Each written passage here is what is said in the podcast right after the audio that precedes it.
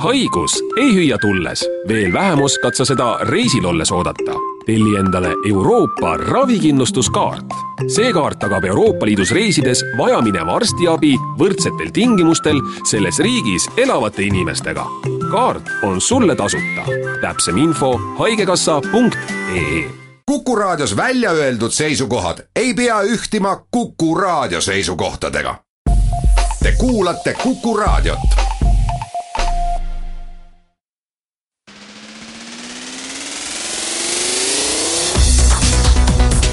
Muuli ja Samost. muuli ja Samost. tere, head pühapäeva kõigile, alustame saadet Muuli ja Samost. stuudios on Anvar Samost ja Kalle Muuli. räägime tänases saates äh, sotsiaaldemokraatide poolt üles ehitatud vastuseis, vastasseisust EKRE-ga, äh, sotside äh, sellisest uuenenud kuvandist ka võib-olla laiemalt, presidendivalimistest teeme traditsioonilise nädala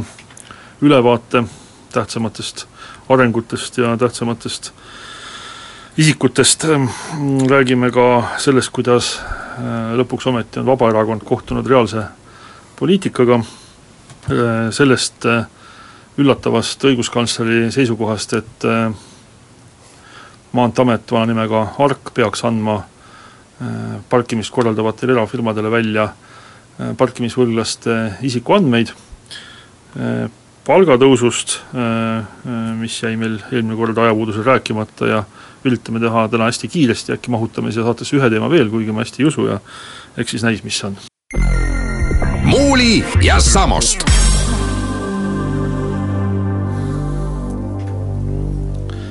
võib alustada nagu üldisemalt, kui sotsidest rääkida, võib alustada konkreetsemalt sellest äh, Jevgeni Ossinovski,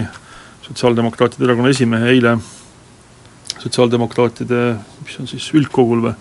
peetud kõnest, aga, aga, aga mm, jah, võib-olla ma hakkangi sellest kõnest peale, et siis Kalle võib-olla lisab sinna üldisemat fooni, et iseenesest suhteliselt äh, retooriliselt ikkagi nauditav kõne oli, ma küll noh, ei kuulanud, kuidas ta seda esitas, aga ma lugesin seda ja ma umbes kujutan ette, kuidas ta, kuidas Jevgeni Ossinovski võis seda esitada, see on üks, see on minu arust isegi parem kõne kui see äh, tema nii-öelda vaba lava kõne, kust see Äh, praeguse kuvandi selline tugevam ülesehitamine algas, aga, aga mõned, mõned kriitilised märkused ma siiski nagu teeksin, et ähm, esiteks noh, see väga üldise, üldisem pool, et äh, kuhu me ilmselt tagasi tuleme, et see vastandumine EKRE-le, et see on minu jaoks ikkagi selgelt arusaamatu, et millist kasu sealt äh, võidakse leida või, või millist, millist edu, edu näha, aga see selleks, aga, aga seal on kaks, kaks kohta, kus ma räägiks kõnest konkreetselt, siis üks on see lüliti ku-, kujund, et et kes ei ole kõnet lugenud, siis võin selgitada, et et Jevgeni Ossinovski siis rääkis äh, inimeste võrdsest kohtlemisest, sallivusest, tolerantsist ja, ja, ja positsioneeris siis ühte serva äh, EKRE, kes on siis tema sõnul äh, lõhestav, inimvaenulik äh, äh, väärtuste lammutaja, süstemaatiline põhiväärtuste, Eesti ühiskonna põhiväärtuste lammutaja, inim-, jah, noh, nii edasi, kõik rahvuslik retoorika, varjatud rassism, misogüünia, ksenofoobia,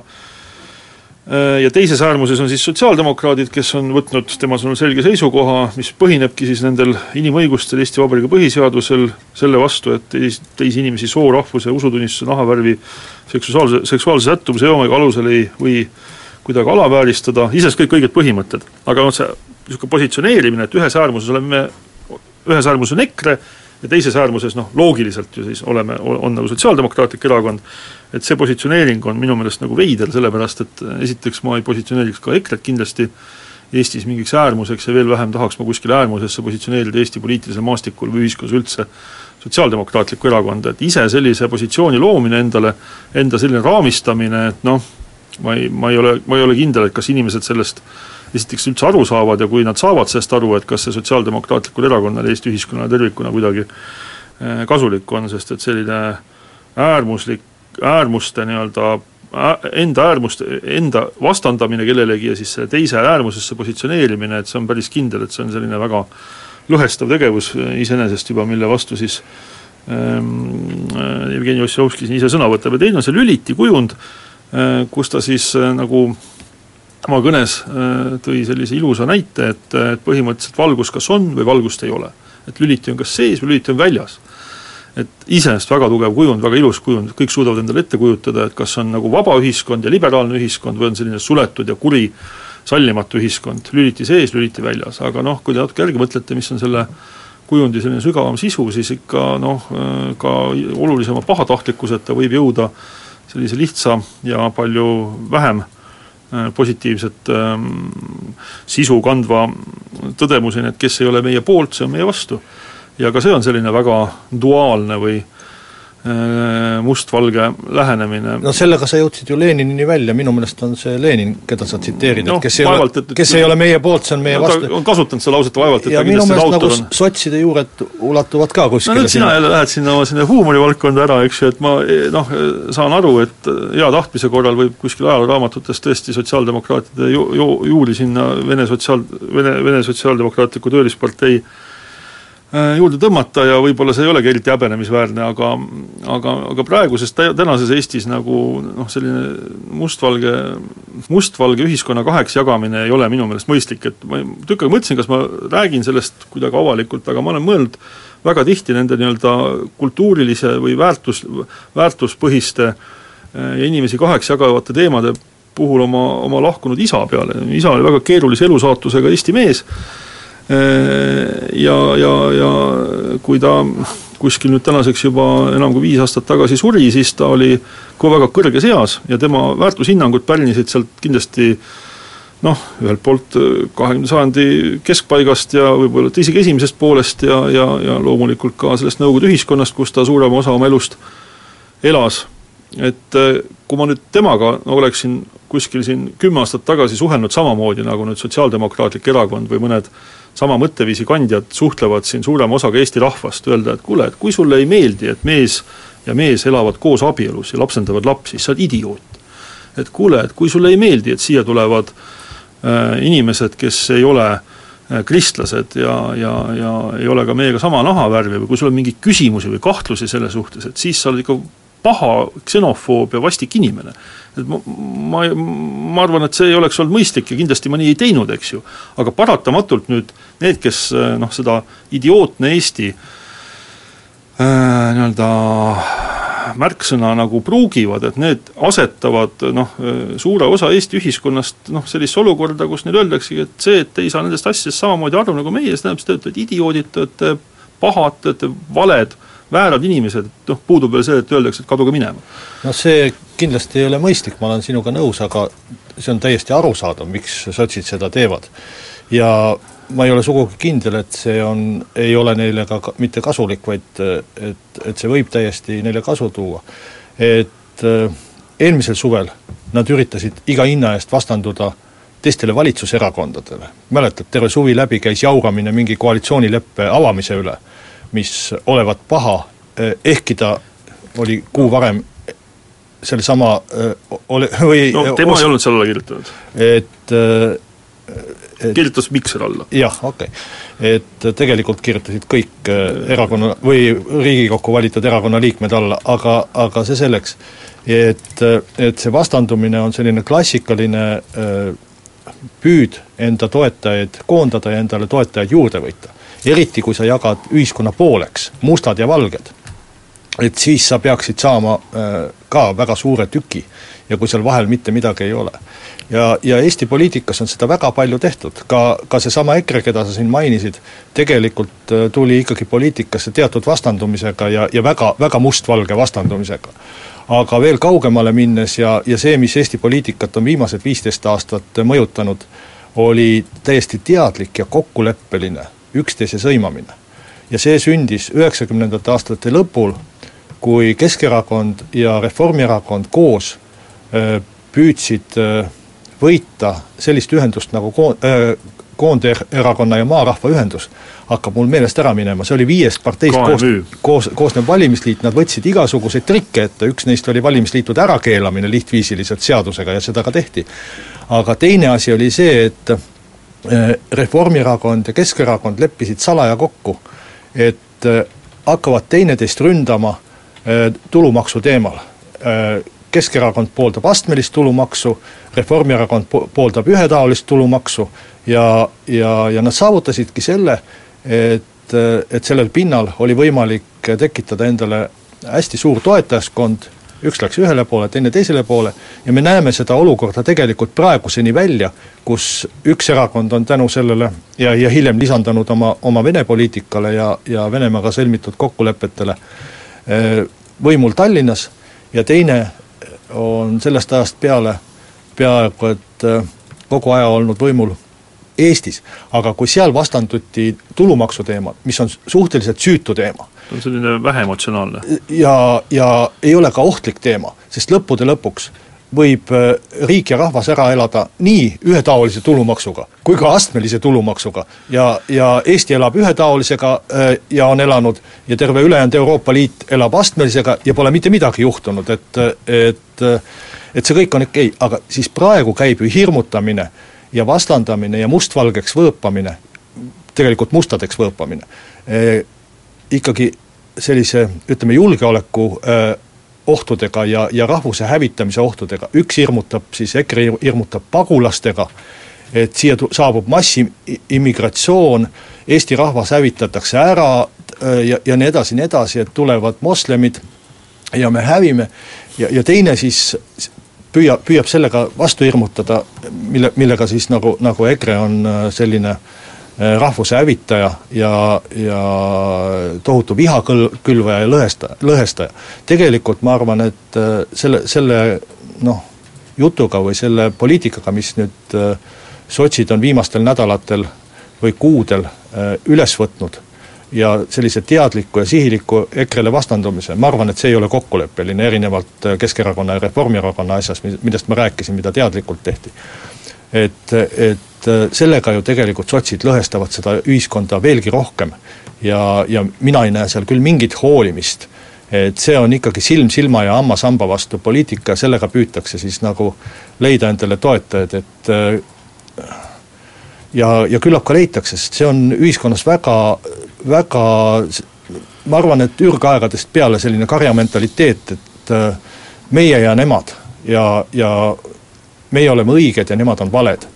ja, ja rääkida, et üks osa Eesti rahvast on õige ja teine osa on vale, et see on minu meelest äh, kuritegu selle rahva vastu. meenus üks venekeelne laul ansamblit Leningradelt pealkirjaga Mõõsav, Mõõsav Sjohoroše, kes tahab, võib seda Youtube'ist kuulata. aga, aga praktilisest küljest veel ma arvan, et üsna murelikud peaksid praegu olema need äh, sotsiaaldemokraatide äh, sellised tõsised tegijad, kes kandideerivad kuskil Tallinnast ja, ja Tartust kaugemal et äh, ma kujutan ette, et Ivari Padaril võib olla oma valijate pärast päris tõsine mure, äh, kui neile tegelikult ikkagi selgelt äh, erakonna juhi poolt öeldakse, et kui te ei mõtle täpselt nagu meie, siis te olete idioodid, Jaanus Marrandil võib olla mure ja neid noh, maalt pärit sotsiaaldemokraate, kas siis rahvaliitliku taustaga või ilma rahvaliitliku taustata, et neid on tegelikult seal ikka päris mitu, et, et mina iseenesest pigem hea meelega näeks, et sotsiaaldemokraadid saaksid järgmises Riigikogus rohkem kohti, kui neil praegu on, ärge saage must valesti aru aga ma kardan, et sellise retoorikaga ja sellise noh, kuvandiga nüüd see saab väga keeruline olema. kellele kindlasti sellest sotside nagu sellisest äh, vastasseisu ülesehitamisest väga palju kasu on, need on äh, loomulikult, äh, see on loomulikult EKRE, sellepärast et iga kord, kui Jevgeni Ossinovski kuskil suurt hulka oma kaasmaalasi ja kaaskodanikke idiootideks nimetab, nii, niipea mõni neist tunnebki, et aga äkki ma olengi idioot ja uhke selle üle ja tahakski nagu tegelikult hoopis seal Helmete seltskonna toetajate poolel nagu polariseeruda mõnusalt. seal, seal selles konkreetses kõlakambris nagu aega veeta, et ma arvan, et see ei ole väga, ei ole väga hea strateegia. ja, ja, ja noh, veel mida võiks öelda, et see on ka natuke ebajärjekindel, et, et ma iseenesest arvan, et, et pea, peaks säilima võimalus, et mingil hetkel saab EKRE või Vabaerakonna valitsusse tuua, ma saan aru, et kohe siin raadiote taga mingid inimesed küpavad püsti, kukuvad karjuma, eks ju, et aga ma arvan, et see oleks põhimõtteliselt õige, sellepärast et muidu me jätamegi endale äh, mingi osa valijaskonnast äh, sellisesse positsiooni, kus nad ei ole täidesaatva võimu juures esindatud ja teiseks me jätame äh, mõne erakonna sellisesse positsiooni, kus tal puudub igasugune vastutus oma sõnade ja, ja, ja, ja programmi eest, et võiks ikka, võiks ikka ka EKRE-l olla see võimalus see valitsuses olemine ära proovida, et Vabaerakond küll on teinud mõned arglikud katsed ja nüüd ma saan aru, et kui me siin räägime, siis Vabaerakonna esimees Andres Herkel vist ütleb erakonna üldkogul oma kaasvõitlejatele, et nende su-, siht on valitsusse jõuda, aga aga kui nii mustvalgeks see ruum värvida, siis ei ole ju ühes valitsuses sotsiaaldemokraatidel enam võimalik äh, näiteks EKRE-ga olla, samuti varem ju viljeles umbes sarnast retoorikat äh, teatud osa Reformierakonna seltskonnast eesotsas peaminister Rõivasega, et, et ka see ei ole mõistlik, ma tegelikult arvan, et et äh, pigem võiks kuidagi vaadata, et kas ta EKRE-t annab rohkem sinna mainstream'i poole sikutada, mitte neid rohkem nagu noh, lükatagi sinna suunas, kus me väidame neid olevat, et mina kindlasti ei arva, et EKRE näol oleks tegemist mingisuguse äh, kuidagi väga erandliku, fašistliku või natsliku või mingisuguse äärmusparempoolse erakonnaga. ja ühe asja tahan veel öelda, et tegelikult umbes äh,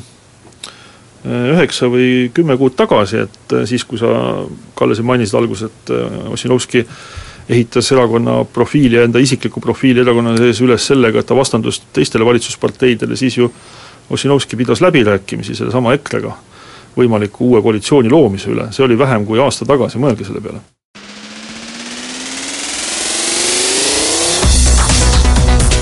Muuli ja Samost. muuli ja Samost. aga jätkame siis äh, saadet selle suve püsirubriigiga ehk presidendivalimistega. Äh, sel hetkel, kui lõpeb meie saade, algab äh, Tallinnas Kultuurikattas Isamaa Res Publica Liidu volikogu, mis on nimetatud ka presidenditalguteks, ehk siis äh, volikogu peaks äh, kinnitama Isamaa Res Publica Liidu presidendi kandidaadi nädala algul, esitas äh, erakonna juhatus ja fraktsioon äh, volikogule oma kandidaadi, selleks oli endine või on endine õiguskantsler Allar Jõks. Ja ehkki ma lugesin Postimehest, et on, on ka teistsuguseid arvamusi ja, ja mis iganes kandidaate, siis vähemalt juhatuses ja, ja fraktsioonis ei nimetatud ühtegi teist nime ja need otsused, mis langetati, olid täiesti üksmeelsed, seal ei olnud keegi vastu ega ei olnud keegi erapooletu. aga see ei tähenda muidugi, et volikogus ei võiks üles seada teisi kandidaate ja arutada teisi kandidaate. Ja ma arvan, et et selline teema võib isegi kerkida, noh sellega seoses ju üks selliseid äh, kummalisemaid juhtumeid oli eh, Ene Ergma ootamatu või, või oodatud, ma ei tea, kuidas seda peaks ütlema, ta on juba mitu korda erakonnast üritanud lahkuda või, või või no olgem täpsed, et kõigepealt ta lahkus poliitikast. teinud, teinud katseid ja, ja, ja nüüd siis teatas äh, taas oma lahkumisest, ehkki sellest ei pea üldse teatama, selle saab tänapäeval elektrooniliselt äh, kodust lahkumata ära korraldada, nii et nii et äh, ei pea sellest äh, suurt show'd tegema, aga, aga, aga kujutate ette ikkagi inimeste edevust, et kui sa oled äh, juba poliitikast lahkunud ja viimastel valimistel äh, noh, kandideerisid üksnes sümboolselt erakonna, ringkonna viimase nimena ja, ja mingit kampaaniat ei teinud ja siis ikkagi tahaksid, et erakond vähemalt äh, arutaks sind kui võimalikku presidendikandidaati. Ja ajakirjandusest käiks sinu nimi läbi kui presidendikandidaadi nimi ja kui sa seda siis ei saa ja kui erakond seda ei tee ja, ja ei pea seda õigeks, sellist äh, inimeste lollitamist,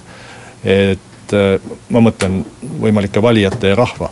siis äh,, siis äh, sa lahkud äh, suure show'ga demonstratiivselt erakonnast äh,, Äh, hurjutad seda kandidaati siis Allar Jõksi, kes üles seadis, seati ja, ja nimetad teda, ma ei tea, Eesti riigile ohtlikuks või vaenlaseks, et ma seda sõnastust enam peast ei suuda me-, meenutada. Äh, nii ebameeldiv oli seda lugeda. Et äh, no tõesti poleks oodanud, et, et need egod ja, ja need edevused on, on nii suured mis, mis selle ameti ümber ringi käib? ma, ma nüüd ei teagi, mis ma nüüd edaspidi teen, et ma, mul oli ka plaanis paar vähem kriitilist sõna Jõksi suhtes öelda, et ürita välja kannatada, et, et no ma, ma ei kahtlusta sind selles, et sa oleks tahtnud, et IRL sind ka võimaliku presidendikandidaadina nimetaks. nüüd ütleks väga imelikku suunda, et et mm, Allar Jõksi kampaaniat vaadates on see nädal olnud selline natukene nagu äh, lünki täitev, Ehm, ühest küljest on Jõksi kampaania väga hästi käima läinud, et ta on tõesti esimene kandidaat, kellel justkui nagu tundub, et äh, võikski olla kakskümmend üks allkirja Riigikogus koos, noh kuigi Vabaerakond äh, on nüüd kaks korda arutanud erinevatel tasanditel Jõksi toetamist, ma saan aru, fraktsioon on äh, Jõksi, Jõksi toetanud, Vabaerakonna fraktsioon Jõksi toetanud, eks, siis ma saan aru, et toimus juhatuses, toimus lausa vist hääletus, mis samuti läks äh, Jõksi kasuks, aga noh, see otsustusprotsess äh, läheb seal veel pikemaks, et see juhatus oli täiesti üksmeelne? või oli see üksmeelne, ma, ma ei oska öelda täpselt, aga noh, igal juhul Jõksi kasuks Vabaerakonnal. ja, ja, ja, ja nüüd A, ei, ma mõtlesin ma räägin Vabaerakonnast praegu, ma räägin Vabaerakonnast. et ma, ma ei tea täpselt, mismoodi need hääled jagunesid, küllap seal keegi ikka oli võib-olla ka vastu, aga aga ei olnud kohal, ei oska öelda, aga, aga nüüd äh, ma saan aru, et siiski see plaan, mis äh, Jõksi kampaaniameeskonnal oli, et äkki saaks kohe nagu äh, need kakskümmend üks allkirja nagu fikseeritud ja saaks eh, noh, kogu suve siis nüüd rallida nagu selle teadmisega, et tegemist on eh, esimese või vaata et võib-olla ainsa kandidaadiga, kellel on reaalne kandidaadi staatus, et see nüüd on nagu selles mõttes läbi kukkunud, et tõenäoliselt alles augustis Vabaerakond mingisuguse lõpliku sõna nagu ütleb. ja, ja kui ma nüüd järgi mõtlen, et siis ka Eiki Nestori selline ootamatu küllaltki pildile tulek presidendikandidaadina et kindlasti see oli Jõksi kampaaniaga seotud ja äh, sellise äh, linna pealt kuuldud info ja oma loogika pealt kokku ma julgen arvata, et küllap äh, küllap Jõksi kampaaniameeskond üritas ka sotse nõusse saada ja äkki, äkki sotsid olidki peaaegu nõus, ma ei oska öelda seda, ma ei tea, ma pole juures olnud jälle. aga tundub, et siis juhtus mingi asi, kas see võis olla Marina Kaljuranna kampaaniameeskond, Reformierakonnast keegi, mõni Eiki Nestori vana sõber mõnest teisest erakonnast, näiteks Reformierakonnast, kes käis temaga vestlemas, ja Sven Mikseriga või veel kellegagi, igal juhul äh, mulle tundub, et keegi mingil hetkel ütles Sotsiaaldemokraatliku Erakonna fraktsioonile Riigikogus, et kui teie esitate Eiki Nestori, siis me anname teile need puuduolevad kuus või seitse häält või vabandust, kuus või seitse allkirja. Et, et kui see tõesti nii oli, siis muidugi see on üks kõige veidramaid äh, poliitilisi kombinatsioone nüüd siin nende presidendivalimiste käigus, et noh, kellelt, kellelt ikka need kuus või seitse häält saavad tulla, eks nad saavad Reformierakonnalt tulla. et nendel on lihtsalt nii palju neid allkirju, et neil on, neid on võimalik neid mitmes suunas jagada, aga noh, see on kummaline sellest nurgast, et et äh, nad ei ole ise, Reformierakond ei ole ise ju äh, presidendikandidaati välja valinud ja nad ei saa hakata Eiki Nestorile neid allkirju andma enne, kui nad on allkirjad andnud oma presidendikandidaadile. Äh, mis pidi toimuma suve lõpus, ehk siis ma arvan, et kuskil augustis, ja noh, eks siis Eiki Nestor samamoodi seisab niimoodi siin Äh, reaalse kandidaadi ja selle nii-öelda äh, peaaegu kandidaadi staatuse vahepeal kuskil, äh, kuni siis sellesama hetkeni, et, et nii ta on, jah. minu meelest sotside poolt oli see suhteliselt nõrk käik ja, ja Eiki Nestorile hästi riskantne käik, et ta on hästi tubli ja, ja, ja, ja tore inimene ja poliitik, aga aga kui juhtub see,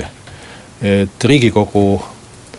esimees äh, ei saa Riigikogus ennast üles seada, et tal ei tekigi kahtekümmend ühte häält, et see on kuidagi no kuida-, kuida-, me ei tea veel seda lõplikult eks ju. kuidagi imelik. kui, kui Reformierakonnast need kuus häält eraldatakse, äkki saab? et äh,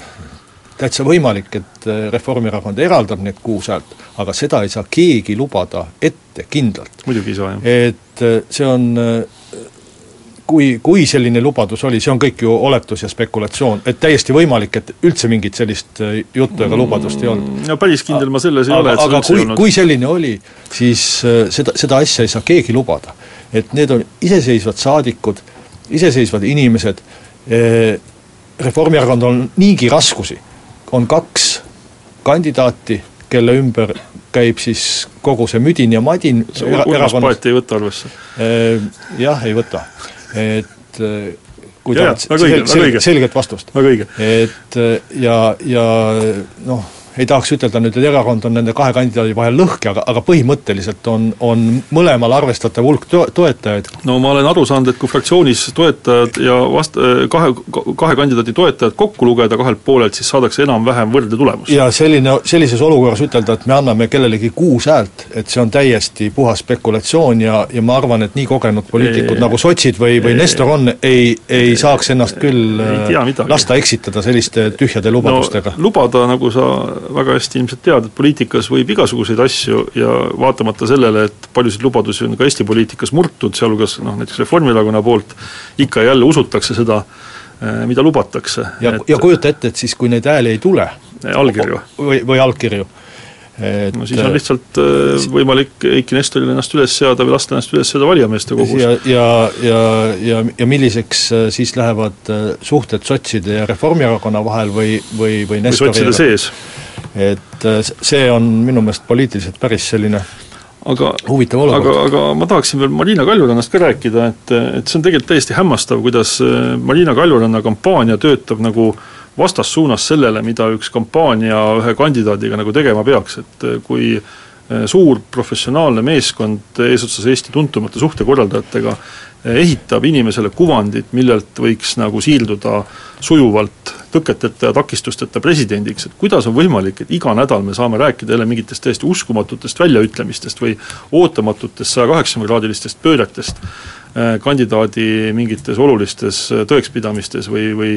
või, või seisukohtades, et see, see, see nädal meil küll neid pöördeid ei toonud, aga küll äh, järje, järjekordselt saime kinnitust äh, küll ajakirja Kroonika vahendusel, aga keegi pole seda ka ümber lükanud, sellele, et Marina Kaljurand näebki ennast kui isikut, kes saab otseliinis korraldusi äh, erakonna esimehelt, Reformierakonna esimehelt Taavi Rõivaselt, mingisugusel edukate naiste konverentsil esinedes oli jutuks tulnud tema kallis käekott, jumala eest ma ei tea, kui kallis see on ja minu poolest kandku ja väga tore, et inimesele meeldivad kotid, aga põhjendus, mida ta siis esitas, seal oli see, et et peaminister Taavi Rõivas isiklikult helistas talle ja ütles, et võib kanda sellist kotti, võib käia selle kotiga, et see on täiesti okei okay,, et lausa peabki käima, et isegi kui see oli iroonia, siis noh, see on väga veider iroonia, aga ma arvan, et see ei olnud iroonia. et kui vaadata kõiki teisi neid äh, sõnavõtte, mis algavad sõnadega, et nagu peaminister Taavi Rõivas on juba öelnud ja ja nii edasi, aga noh, see, see selleks. Ehm, Postimees teeb mingit äh, suhteliselt veidrat intervjuusarja presidendikandidaatidega, kus võetakse need Google'i Äh, nagu nii-öelda automaatsisestuse märksõnad. jah, märksõnad, et a la stiilis äh, kui kirjutad Google'i otsingu ribasse sõna miks ja mis sealt tekib siis, et noh, et siin tekkis küsimus, et miks on vaja presidenti, eks ju, automaatselt, et see on ilmselt küsimus, millele vastust inimesed nagu guugeldades otsivad ja siis vastates siin Postimehe poolt siis vahendatud küsimusele, miks on vaja presidenti, on on, on välisminister ja, ja presidendikandidaat Marina Kaljurand öelnud siis äh, muuhulgas seda president peab olema parteideülene ja reeglina mitte sekkuma sisepoliitikasse. president ei ole Kaaren, kes peab iga nurga peal kraaksuma. no tule jumal appi tõesti, tsiteerida siin klassikuid, et et nii siis ongi, et ühesõnaga valite mind presidendiks, mina lähen Kadrioru lossi, kui peaminister helistab, ju ma siis ütlen midagi, aga sisepoliitikasse sekkuma ma küll ei hakka. ma, ma ei usu, et see nüüd nii mõeldud oli, aga nii see jälle välja kostab. muuli ja Samost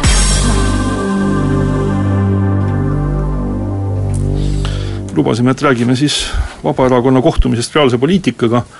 Vabaerakonnal päriseluga, nagu on poliitikute slängis pärispoliitikaga.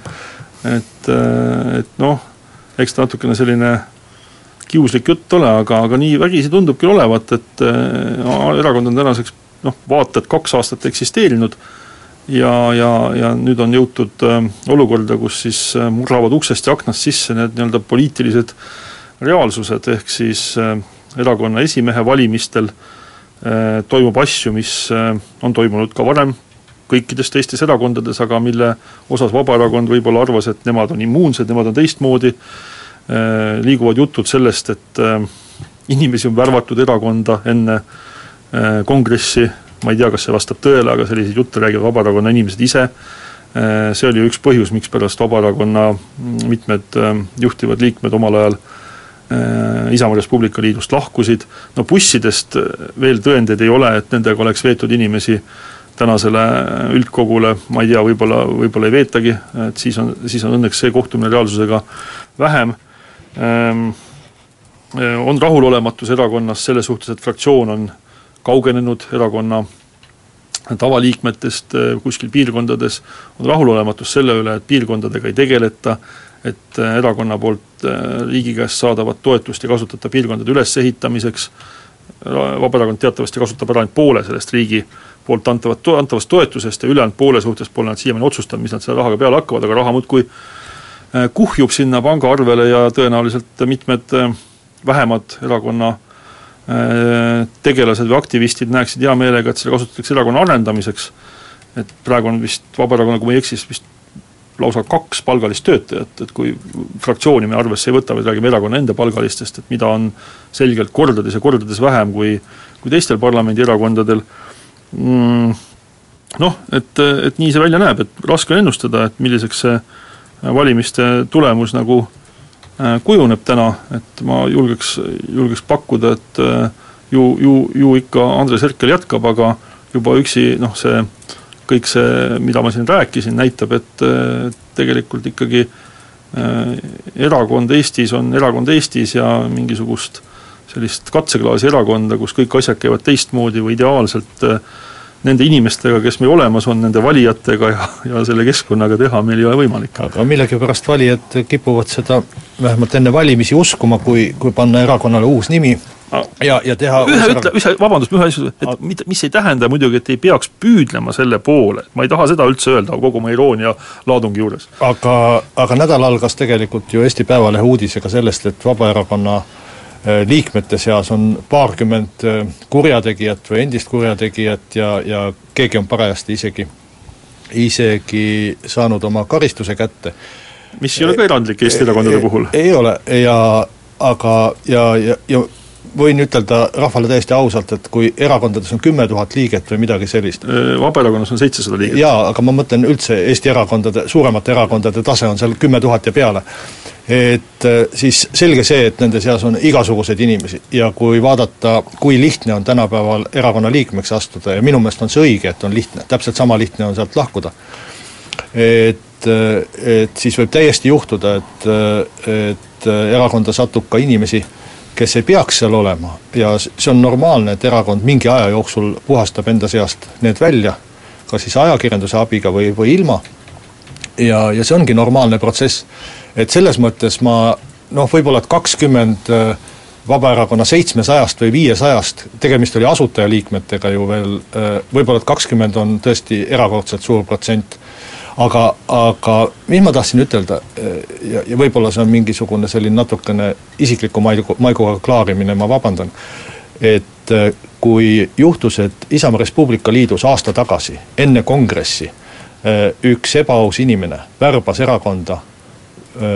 liikmeid, kes olid kriminaalkorras karistatud, siis oli just vabaerakondlane Jüri Saar see, kes sõimas, et küll on äh, üks hull erakond ja, ja kuidas nii võib ja kuidas nii saab. ja nüüd, kui oli Vabaerakonnas endas asutajate liikme sea-, liikmete seas viiesajast, mitte kümne tuhandest, nagu Isamaa Res Publica Liidul, oli kakskümmend kurjategijat, siis teatas seesama Jüri Saar, et äh, ei ole võimalik karistusregistrist saada erakonnal kätte andmeid inimeste karistatuse kohta, mis on ju otsene vale. et äh, mõõtkem ikkagi nagu äh, ühte sama asja ühe sama mõõdupuuga ja mina, mina ütlen, et äh,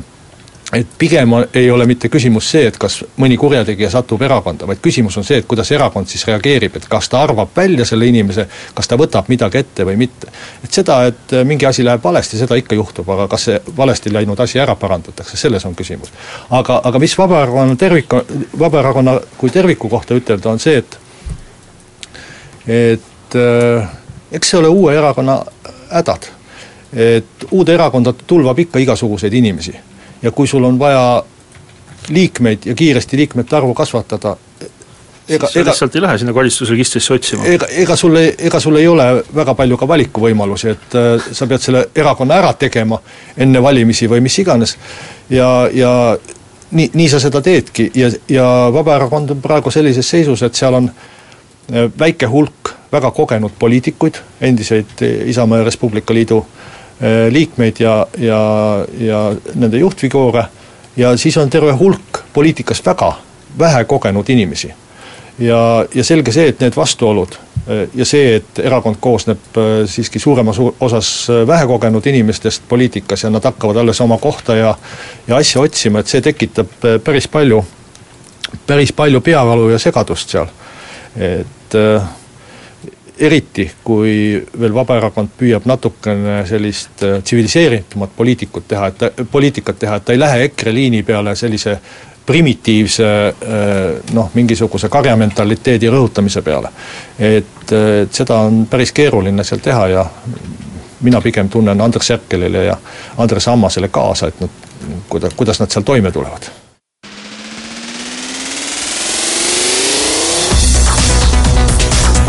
Muuli ja Samost. muuli ja Samost. ja lähme nüüd natukese veel reaalsema elu juurde, mis, mis siis toimub meie ümber linnas parklates, nimelt äh, õiguskantsler Ülle Madise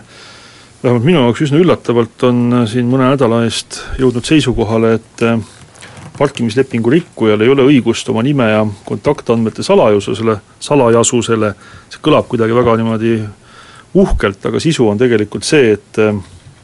et tükk aega ju väga kaua eraparklate omanikud, need on need platsid linnas, kuhu te sõidate,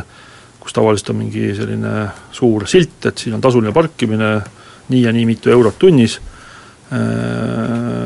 park, mobiilse parkimise tsoon see ja see, et kuhu te pargite oma auto ja siis mobiiltelefoni teel kas äh, suudate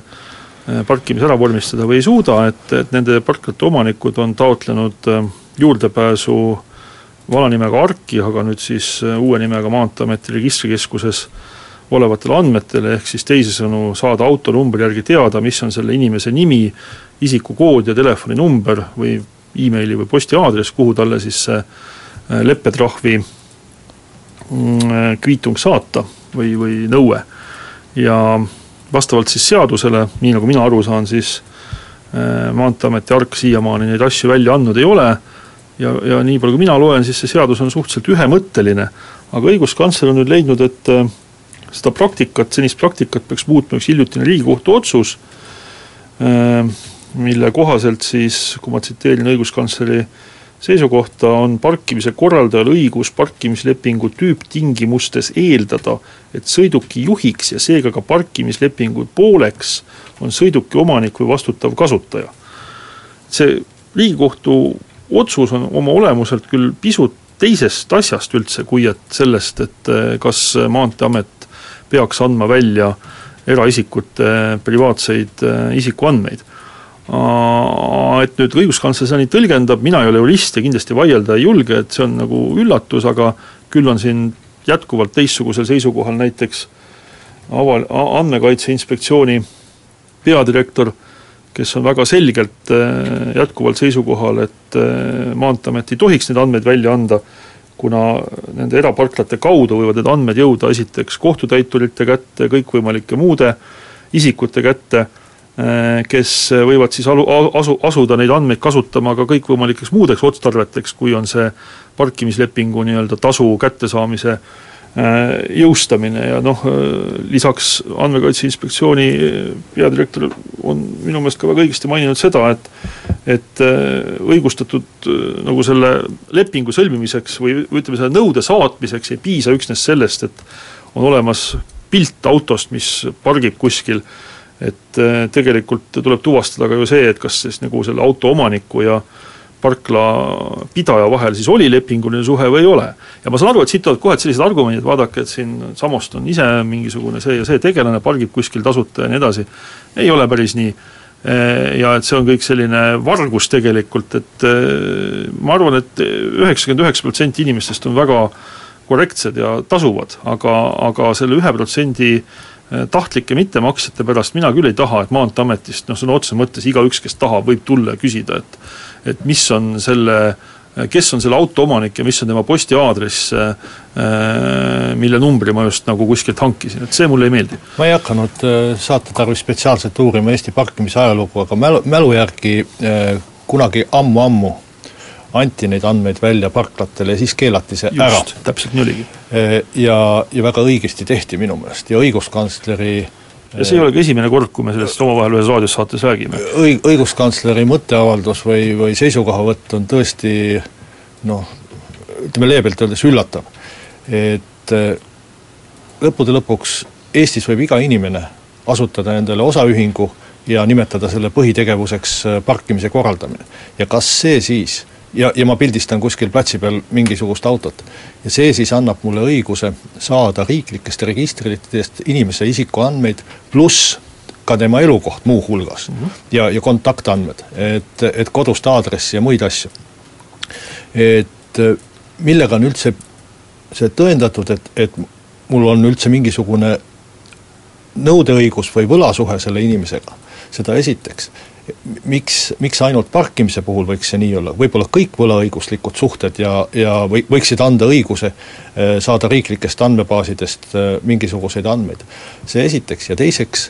eh, see teine pool, et kui nüüd need andmed on antud, kuidas on tagatud nende andmete säilimine või kasutamine ainult selleks otstarbeks, mis nad anti kas, kas sellel erafirmal on siis ku,, kuidas me kontrollime, et, et ta ei kasutaks neid mitte millekski muuks? no näiteks ei annaks mingitele kurjategijatele teada, et seal ja seal on need või, või mis iganes autod, jõukad inimesed, kui meil on teada no ei koostaks andmebaasi sellest sa, et, et see keegi parkis sajatuhandese auto ja, ja, ja koostaks andmebaasi tõesti võib-olla nendest autoomanikest. no absoluutselt. et, et inkassofirmad oleks sellest kindlasti väga huvitatud ja kõikvõimalikud muud firmad samamoodi, et et ma arvan, et äh, õiguskantsler on praegu täiesti valel, valel teel ja mis minu jaoks on veel nii-öelda laiemas plaanis väga keeruline mõista, on selle nii-öelda äh, seisukoha selline proportsionaalsus, et kas tõesti see nii-öelda äh, Äh, mingisugune probleem või riive on nii suur, et me peame hakkama nii oluliselt tegelema inimeste privaatsuse nagu rikkumisega selle nimel, et ma saan aru, et me räägiksime mingist julgeoleku küsimusest, et terrorismist või, või, või, või kaitse või, või politsei mingitest funktsioonidest. me räägime tegelikult sellest, et on mingisugune tühine hulk inimesi, kes on kas unustanud või siis teadlikult jätnud parkimise eest tasumata Kel, kellelegi kakskümmend eurot tasumata, eks ju. aga, aga mis see tähendab riiklike andmebaaside jaoks? see tähendab ju seda, et ma ei saa oma riiki enam usaldada, ma ei tea, kellele ta neid annab äh, lõppude lõpuks. ja, ja see viib omakorda sellele, et ma kas ei anna neid andmeid või ma annan mingeid valeandmeid. et et, Just. see lõpuks rikub ära ka riiklikud andmebaasid, et kui on tõesti mingid pahatahtlikud äh, inimesed, kes ei taha oma parkimistrahve äh, maksta äh,, või, või, või parkimistasusid maksta. et siis, siis lõppude lõpuks meil ei ole ka enam riiklikke andmebaase, kus oleks nagu õiged andmed. tulemuseks võib olla tõesti see, et nagu näiteks minul on praegu kaks emaili aadressi, millest ühe ma annan kõikvõimalike kliendikaartide tarbeks ja teist ma kasutan ise, et siis võib-olla tulevikus ma ka riiklikus registris vahetan oma kodus aadressi, noh ma ei tea, mis iganes aadressi, mingi elektrikapi aadressi vastu. ja, ja, ja, ja, ja see on siis see, mille poole nagu õiguskantsler püüab nagu seda ühiskonda viia, et minu meelest tuleks üheselt ja selgelt äh, ära lõpetada sellise asja, asja noh, levitamine või survestamine, et registrikeskus peaks neid andmeid andma.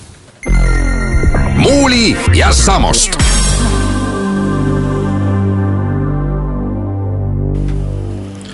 meil on nüüd plaan teha siin pikk diskussioon teemal palgatõus, et nimelt siis neljaminutiline diskussioon. diskussioon, et keskmine palk on Eestis ähm, esimeses kvartalis väga hoogsalt tõusnud, et kui me vaatame äh, Statistikaameti andmeid, siis pisut üle kaheksa protsendi võrreldes eelmise aastaga, paneme siia juurde selle deflatsiooni, inflatsiooni, mida siis ei ole, mis on miinusmärgiga, ja reaalne palga, palgakasv on olnud aastaga ligemale üheksa protsenti, et see on tegelikult väga palju olukorras, kus meil äh, tervikuna majanduses sellised äh, noh, ütleme struktuursed probleemid, et kus, kus eksport äh, ei kasva ja kus Äh, on suur ähm, äh, tööjõupuudus ja, ja, ja tegelikult majanduskasv on ka suhteliselt olematu. eks ega ekspordi kasvu ei takista palgakasv.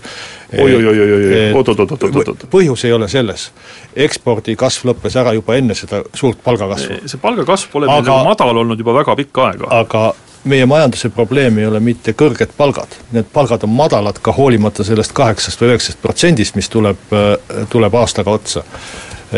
meie majanduse probleem, probleem on tööjõupuudus ja see, et äh, ettevõtjad ei investeeri. ja ei investeeri nad sellepärast, et äh, äh, inimesi jääb üha vähemaks ja, ja, ja kogu majanduse olukord käib alla. meie põhiprobleem on tuua inimesed tagasi. ja kui me tahame, et inimesed tuleks tagasi ja see tagasi tulnud inimesed hakkavad ka majandust kasvatama. ja kui me seda tahame, siis on oluline, et palgad kasvaksid ja palgad oleksid suured. nii et ma väidan täiesti vastupidi selle üldisele levinud arvamusele, et, et palgakasv ilma kiire tootlikkuse kasvuta äh, tekitab äh, selle, et majandus jääb seisma. ma arvan, et see palgakasv esiteks, ta õhutab ettevõtjaid või, või sunnib ettevõtjaid äh, võtma samme, mis, mis tõstaksid tootlikkust, teiseks ta toob meile inimesi tagasi, meie rahvaarv kasvab ja, või vähemalt äh, vähendab väljavoolu ja kõik see mõjub majandusele pigem positiivselt. et, et äh, me ei saa olla seisukohal, et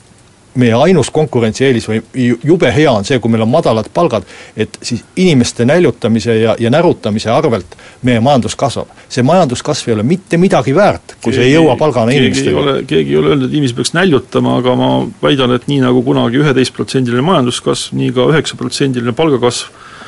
ei ole sellised asjad, mis võimaldaksid nagu noh, nendel samadel ettevõtjatel piisava kindlusega oma investeerimisotsuseid teha, et kui sa tegelikult näed seda, kuidas sul palgad jooksevad eest ära, oled rahvusvahelises konkurentsis eksporditurgudel, siis sa pigem jätad mõne investeeringu tegemata, kui hakkad uusi inimesi tööle võtma selliste palkade juures. aga me ei jõua kahjuks rohkem sellest rääkida, aeg on läbi, Kalle Muuli ja Anvar Samost taas Kuku raadio eetris nädala pärast.